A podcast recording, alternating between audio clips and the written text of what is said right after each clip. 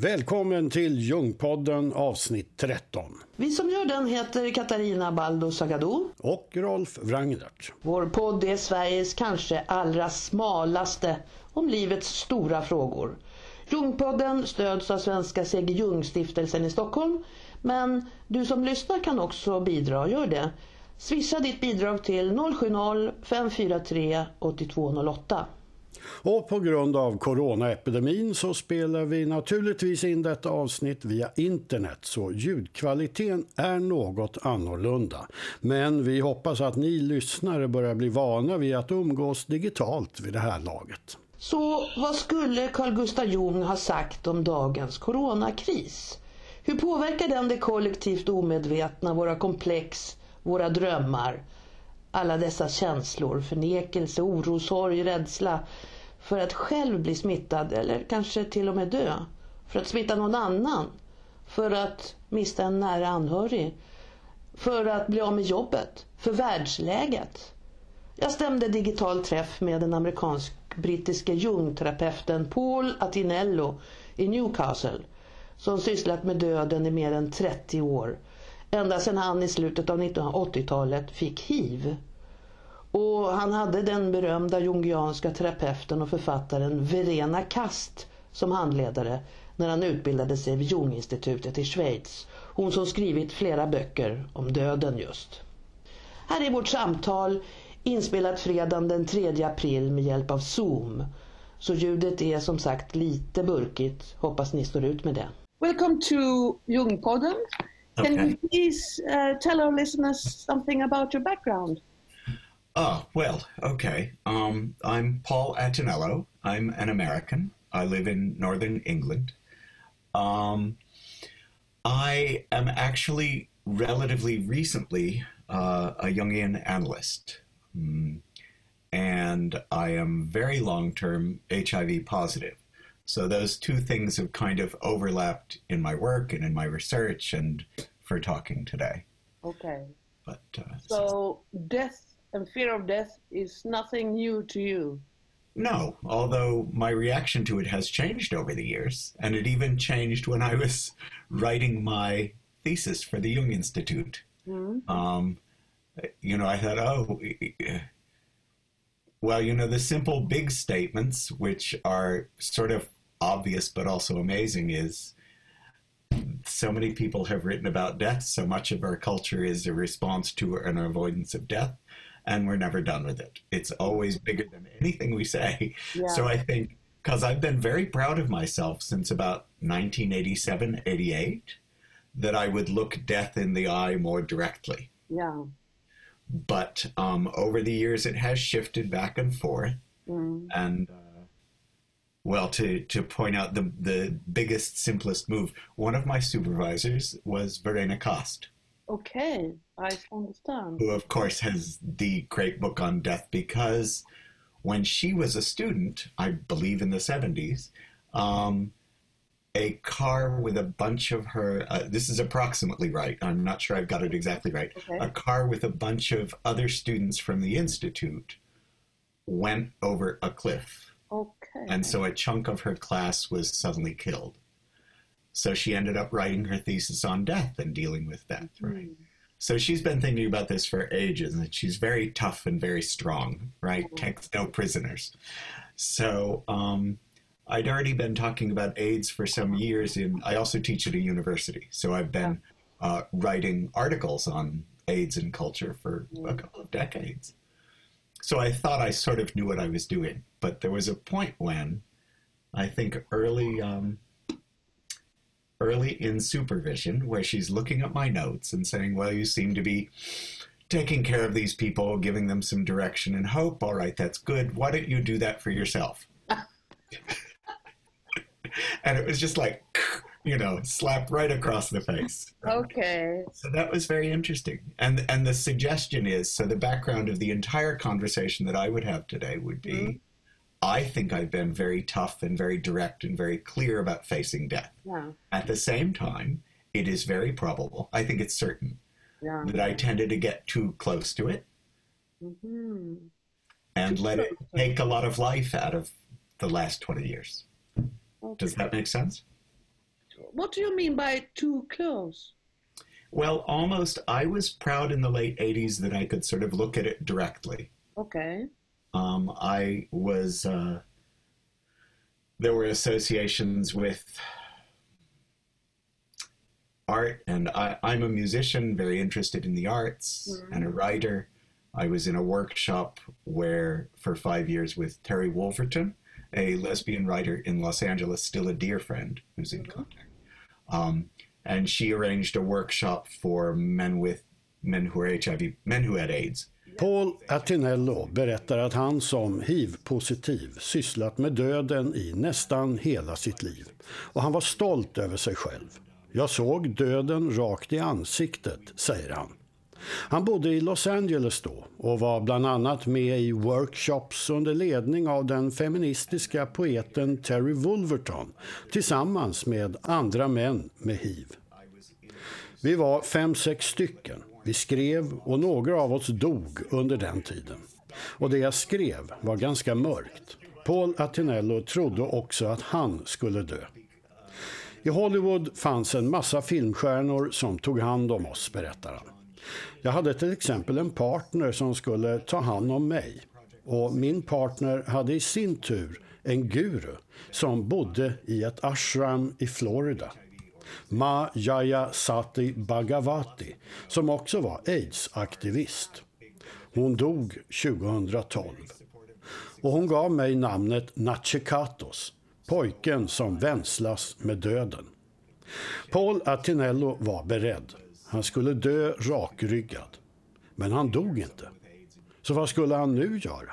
Det var inte så lätt att hitta mening med det liv han hade fått. I'm not a very religious person. You know, of course, as Jungians, we take religion seriously, but I've always been, I used to be very nervous about it, very anxious about, am I religious, am I not religious? I think only during my training in the last 10 years did I start to just take Jung seriously when he says, you don't have to believe, you just have to take it seriously. okay. and then I was like, oh, okay, I can do that, right? that sort of thing. So, but she was a spiritual influence, and she did give me the name Nachiketas, who is the boy who um, uh, makes friends with death at the beginning of the Katha Upanishad. So she was seeing this toughness, this bravery, which if I died in the late 80s or the early 90s would have been like, aha, you know, there's this short, intense story of you have faced it and then you have died, and that was really interesting. What do you do when you live? right? It's uh, it's hard, right? What do you do next? And I think I would say I went rather too far in being rather coldly courageous about it rather than you know many people have gone no no no i'm alive. I don't want to hear about it. I did not do that. But i think there's a certain loss of life as a result. Yeah. so verena was pointing out okay come back. Right? Which i have to some extent. It's Do you think, uh, with your experience, that you can find um, similarities between the 80s that you lived th- then, where, when I suppose there were no medications for. HIV, and today, what, what, what are the similarities and what are the differences? with the coronavirus or with Yeah, AIDS. with the coronavirus today and and, and in the 80s. Well, you know, this works pretty well for us as Jungians. At the surface level, they're completely different. hmm You know, one is this complicated meta illness that makes other things come into the body. It's hard to see, it's hard to understand. Mhm. It attacks mostly people who have done something that is a bit out of the ordinary or the Yeah. normal, right? Or it's sexual or it's a specialized. Whereas coronavirus is close to a cold or a flu. It's the most everyday thing there is Yeah. this is home this is you know your mom telling you how to take care of yourself take care of the children this is a very sort of family everyday thing at its core Yeah. although it has this more severe ending is the Yeah. word right Så vilka är likheterna och skillnaderna mellan hiv-epidemin och det vi upplever nu med coronaviruset? Här passar Jungs tankar bra in, säger Paul Atinello. På ytan kan man säga att det är två helt skilda saker, även om det i bägge fallen handlar om något osynligt som kommer in i kroppen och som vi har svårt att förstå. Men hiv är kopplat till något du gjort som ligger utanför det vanliga, droger, något sexuellt. Medan coronaviruset liknar en förkylning eller influensa, det mest banala som finns. Något som får dig att tänka på något hemtamt. En mamma som tar hand om sina barn. Något familjärt, något som händer hela tiden. Fast coronaviruset kan ha en mycket svår avslutning. Så det enda som är likt är det som finns på den djupare nivån. Skräcken för sjukdom och död. För vi är ju så privilegierade. Ända sedan spanska sjukan har döda på gatorna varit något mycket ovanligt. Det är vi inte vana vid. Because we're very privileged, you know, so the, since 1918, 19, the Spanish flu, mm. we've been, death in the streets has been very rare, mm. right? So we're not used to it. And I think that entire deep topic of how do people look at death mm. Um, has been sort of set aside by much of the world and just, oh, I don't have to face it. No. Interesting problem. No. And we expect that um, our hospitals, our doctors can always give something. Of course. So we can cure nearly everything. Absolutely. Yeah. And this is not the case now. No, no, no, no. Mm. So well, how do you... you look about this situation? I mean, yesterday we we knew that a million uh, people is affected that we know. Mm-hmm. and and uh, I mean, 50,000 people have died, and half the world is closed in their homes, if they have any homes. Of course. So how, how can we look about this strange situation, something that we have never experienced before? Of course, of course. No, it's very strange. And it's interesting that I suppose that goes back to that difference between AIDS and and um, COVID nineteen, and that mm-hmm. you know it's interesting people have taken it so seriously. And I know even now there's still that. I was reading about the argument between Denmark and Sweden today, oh. so you know how this goes. yeah. We're coming to that. To Sweden. Of course, of course, of course. Well, you mean you could have expected that we shouldn't have taken it seriously? Uh, no, I think it would only be about splitting right? This is very intense. Death, well, death is very big. Death is very intense. I honestly, I think I thought some years ago I could look at it directly. Increasingly, it feels like there's always something else. There's always something invisible, something we can't do anything with. Mm-hmm. You know, you start to get a lot of respect for like Tibetan Buddhists or Schopenhauer or, you know. Yeah, yeah, yeah. But I do think, as I was saying before, it's possible to overdo that. Mm-hmm. You know, if you take it too seriously, like I did, you lose a certain amount of life because you're never going to be done. It's always bigger than you are. So, um, so when people are making different choices, and socially and politically, they want a clear parental guidance. Yeah. You know, they want their parents to tell them what to do, and they want them to be right. Yeah. And that's not quite in reach, right? Oh, They're not quite sure. Mm. But so, but the fact that the governments have reacted so strongly, I mean, I mean, they're hard. We we die all all the time. Old people die all the time, and with, with, the flu and so on. And this time, it's different. Yeah, yeah, yeah. yeah. So yeah. why is it different this time? Do you think? I suppose statistics, um, range of people, and this is something I always want to be careful about talking about. But uh, see, a few weeks ago, I started taking it very seriously because one of the email lists I'm on mm-hmm. has a lot of Northern Italians. So I was hearing from Northern Italian wow. therapists, psychoanalysts, and doctors. Mm-hmm. My friend Antonio uh, Lanfranchi is. Um, He's a uh, coronary, a heart doctor yeah. in uh, Milan. Mm-hmm. And he was upset and he was scared. Mm-hmm. And he actually phoned me once or twice and said, So, what are you doing? Are you in town? Go home. Right. Um, And the reason he was is, as I say, this is what I always feel uncomfortable discussing, but it's true.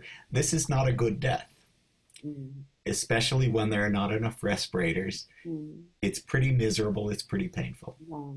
Okay. And I have even thought for myself, it's like, can I bear this? I, I'm clearly thinking like those Tibetan Buddhists who imagine all the way to the end. This is the tough stuff, I know, but it's but it's it exists, it's there.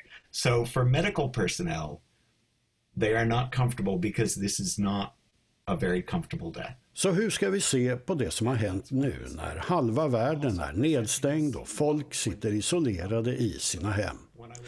Ja, säger Paul Attinello. När vi står inför en sådan här situation längtar vi efter att ha ledare som funkar som våra föräldrar. Och vi vill att de ska ha rätt. Och tyvärr är det inte möjligt. Ingen kan vara helt säker på vad som är bäst i det här läget. Själv började han ta situationen på allvar när han började få mejl från italienska kollegor. En hjärtläkare i Milano ringde flera gånger och sa till honom det här är ingen bra död. Särskilt inte om det inte finns tillräckligt med respiratorer.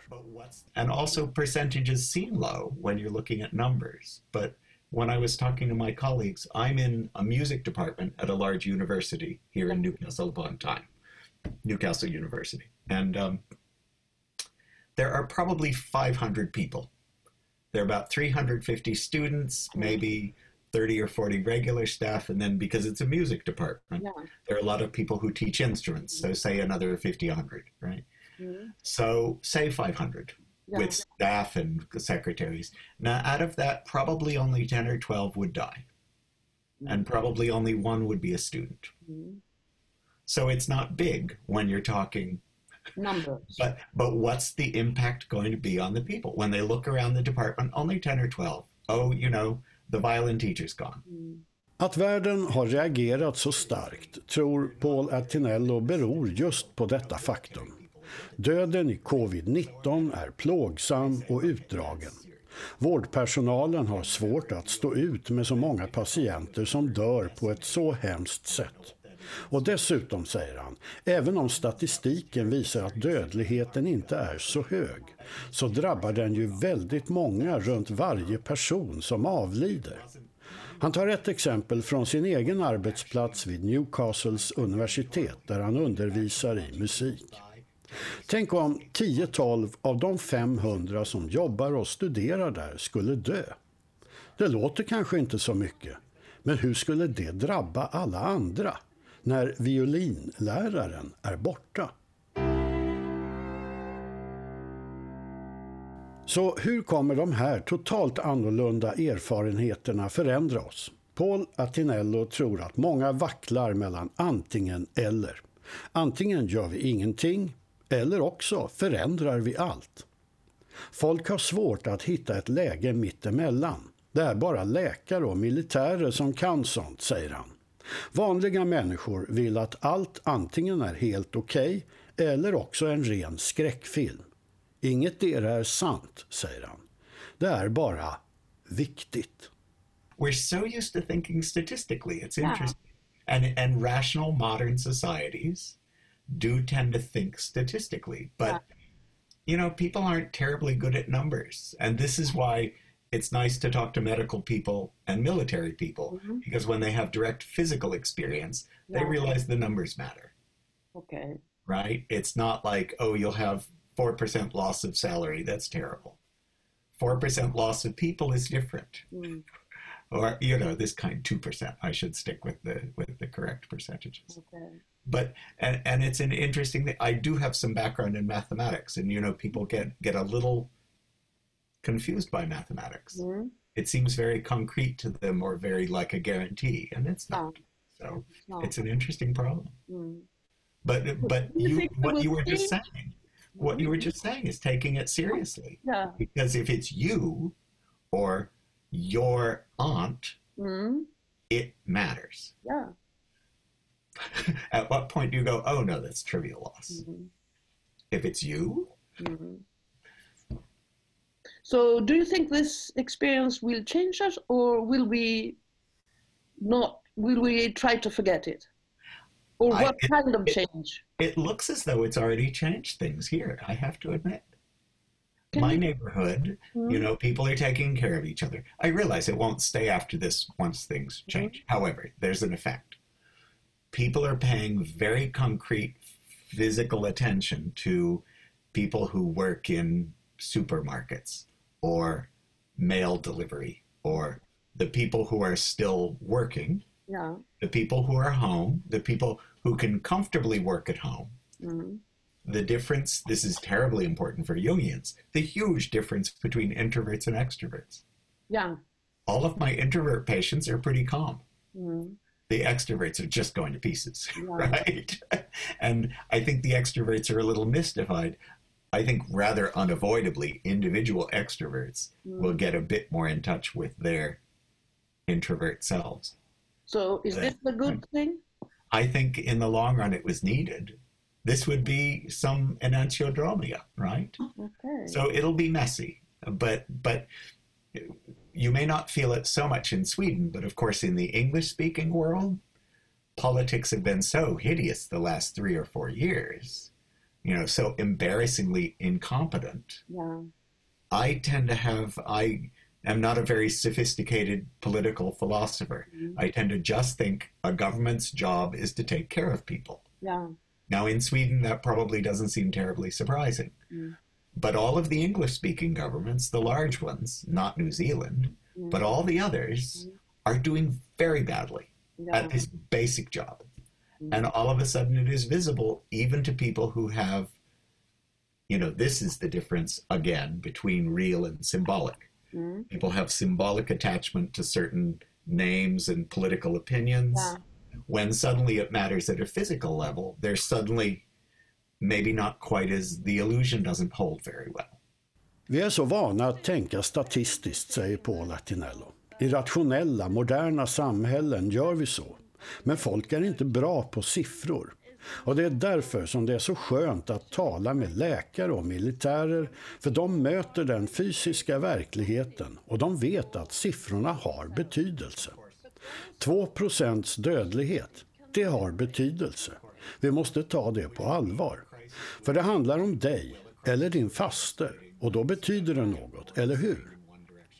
Saker och ting har redan förändrats, menar han, och berättar om sitt grannskap där folk tar hand om varandra på ett nytt sätt. Folk som har förmånen att jobba bekvämt hemifrån har fått upp ögonen för alla som inte har samma förmåner. Snabbköpskassörskan, brevbäraren. Och det gör stor skillnad om du är extrovert, utåtriktad eller introvert, inåtriktad.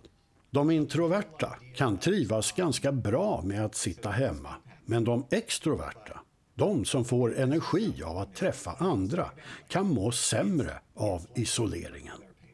Och som Jungpoddens trogna lyssnare vet finns det ett helt avsnitt om Jungs personlighetstypologi, avsnitt 6, det som också tar upp Avicii. Yeah, but still, there are people saying that, you know, uh, the Nazism and the fascism of the 1930s is the result of the Great Depression in the 1920s. So Yes. many people are afraid today not only for the disease itself, Of course. but also for the depression that it can generate. What do you Of course. think? Of course. Which would be a crisis would lead to, well, a crisis will lead to splitting, right? So that might get more insane in one direction or another. Of course, that makes sense. I do tend to, I'm being optimistic here. Okay. Uh, you know, Jungians sometimes pull in, I'm trying to remember, Vico or some of the other, the historical, some of the more um, experimental historical ideas about recurrence or Yeah. patterns, right? All of that sort of thing. I always thought Spengler was interesting. I know it's speculation, but okay. But the whole idea that, um, so things keep happening, but okay, this will sound optimistic, but I shall say it anyway. It's it's like when we work with our patients. Yeah. You return to a complex. Ah, I had a patient doing this yesterday. You return to a complex after some time, Mm. and you've had more discussion experience of it. You've actually worked through a lot of it. It's softer. It's broken up a lot. This sort of thing. And when it happens again, it's just as awful as the first time. Okay. I, I had a patient who had a crisis last, last night. He scheduled an extra half hour with me this morning. So we did that, and he said, Actually, I've recovered. I, you know, I was upset for about four hours last night, and I had a drink, and I went to bed. Okay. And now I can see, oh, it's not so bad. I'll go argue with my boss. So, and and this is this will be someone with huge problems with authority figures. So Mhm. he'll do in our work. This is a very familiar pattern. It's Mhm. like, oh, look, it's shallower, it's thinner. Mm. You can walk through it. You Okay. only get that illusory experience at the beginning that it's just as awful as it always was. Now, I hope culturally we have some of that. You go through these, Mm. you remember them, and hopefully each time it's weaker. Uh, oh, you mean on a collective level? Of course, now that's, So I realize think- that's speculative, but Okay. Because Okay. one of the things people were joking about was that people like Trump and uh, Boris Johnson Mm. are essentially Hitler and Mussolini 70 years later. Yeah. They're they're thin they're thin thinner, shabbier, more ridiculous versions of the same thing, and it's still potentially terrible, Mm. but it's weaker. And we also knew, uh, know something about Hitler and Yes. Mussolini, so It's- we can know something more. That's Yes. what you mean. Okay. We see behind them much more easily. It's Ah, okay. you know, and everybody's sort of okay. now is is that a fantasy perhaps, mm-hmm. but it just feels possible. Paul Attinello är optimist. Han tror inte att risken för att den här krisen leder till att våra demokratier kommer att nedmonteras. Han jämför med hur hans klienter i terapi visserligen kan så att säga återfalla till tidigare beteenden när de blir pressade. Varje gång är det lika hemskt. Men för varje gång det sker blir det lättare och lättare att genomskåda vad som är på gång. Jag hoppas det är ungefär samma sak på kollektiv nivå, säger han. Vi ser igenom de gamla mönstren. Det är i alla fall en möjlighet. Så kommer vi att fortsätta hålla distans till andra och tvätta händerna hela tiden. Och hur ska extroverta och nu ångestfyllda människor klara av den här undantagssituationen? Do you think that in a, in a, in a year time, two years time, we will still wash our hands, have the diff, uh, uh, long distance uh, when talking to people, or Well, hopefully, you know, it's. I have actually, you know, I'm very long-term HIV positive. Hmm? In the A- HIV clinic here in Newcastle, I'm very lucky. It's a Okay. teaching hospital, yeah, and they're brilliant. Mhm. You know, when I landed here, I didn't know it's actually a very, very good place Mhm. for HIV care. And um, one of my favorite nurses, Alan, in the clinic, did suddenly have a project about three or four years ago of learning to wash his hands. yeah, And he and he showed me, and it was like, oh, that takes too long. I'm bored. This is really Mhm. irritating, you know. Um, and so this time, I was really taking it seriously, making it a habit. Everyone's fussing about it, but they're just doing it. Mhm. I don't think we'll have to be physically distant from each other in two or three years, but maybe people learn to wash their hands. People Wow. start to look at where they're buying their food. Mhm. People notice what the mail people, the people who deliver the mail, Mhm. and the people who work in the supermarket, Mhm. and whether they have pay or not.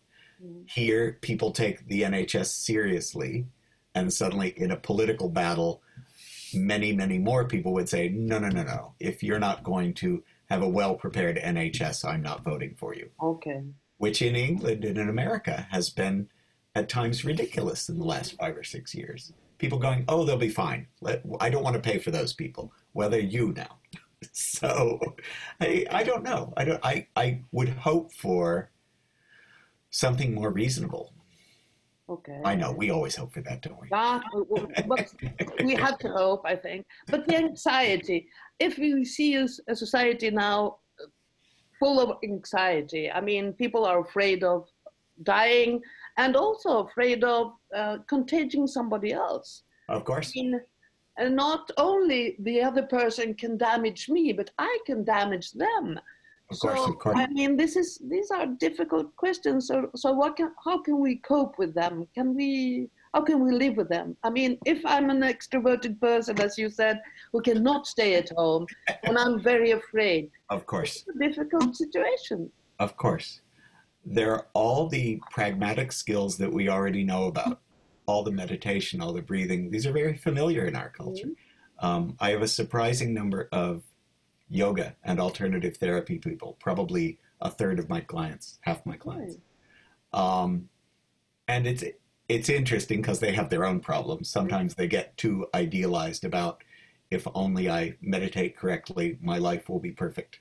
So sometimes they have to get past that. Okay, okay. But um, they are, you know, there is, there's just a sense that a lot of this.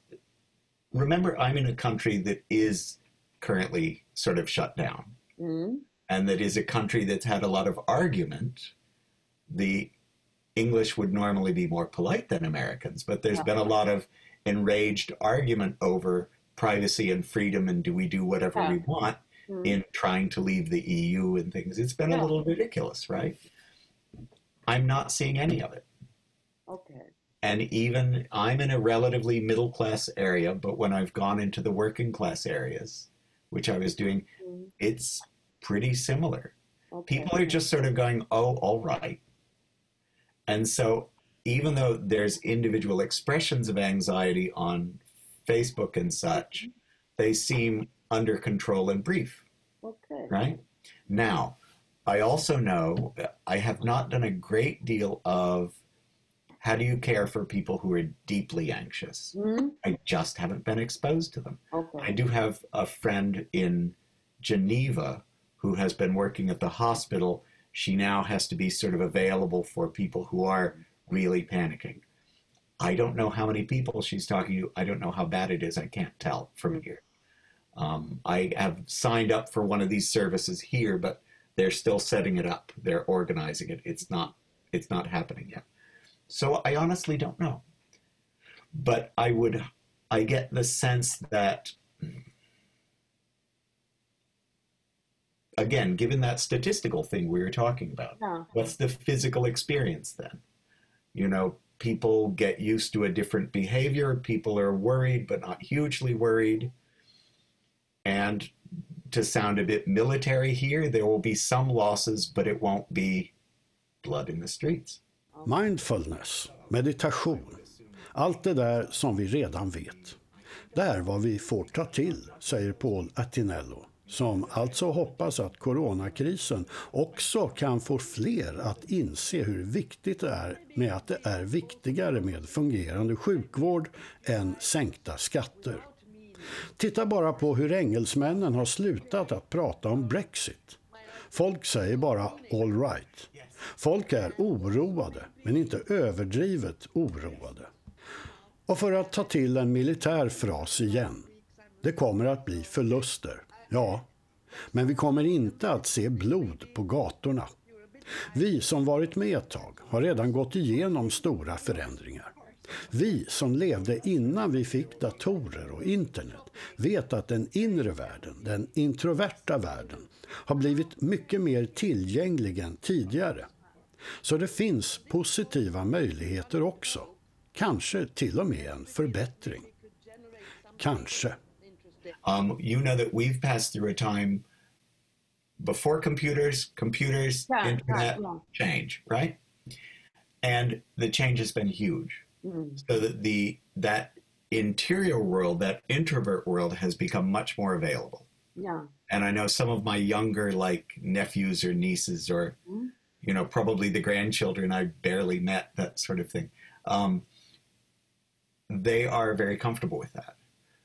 Um, so this for them is not so difficult. Mostly, they know what to do. They know how to occupy their time. Yeah. They know how to make something. You know, one of my former students is doing beautiful drawings. It's you know this sort of thing. So, so that possibility exists. It probably won't be for everybody, but we'll see. There is this. Of course, people worry about any extreme move. So it would be, oh, now everyone will become closed down and unable to speak to each other. It's like, yeah. oh, please. Um, it was, we were having trouble communicating. Mm. Maybe everybody goes a bit inner. The extroverts get a bit more in touch with their introversion. And maybe that smooths things out a little bit. I'm being optimistic again, aren't I? Mm. So, but there's a possibility of this. You get pushed back rather heavily. And it's interesting that without a lot of violence or aggressive, most places have just gone, okay, we'll do this. Yeah. They change their behavior. Then at some point we come back to something a bit more normal, but we've already got a lot more space, mm. a lot more private space, a lot more thinking space, a lot more awareness space. I would think that would be an improvement, maybe. Nästa avsnitt av Jungpodden kommer om ungefär en månad. Det handlar om Jung och anonyma alkoholister. Missa inte det. Ja, ett ökat alkoholintag är ju något många också varnat för nu i dessa tider av karantän och isolering. Men gå gärna ut och promenera och gå sedan in och prenumerera på Ljungpodden på iTunes eller Youtube eller Soundcloud. Ljungpodden finns också på Facebook. Vi hörs! Vi hörs!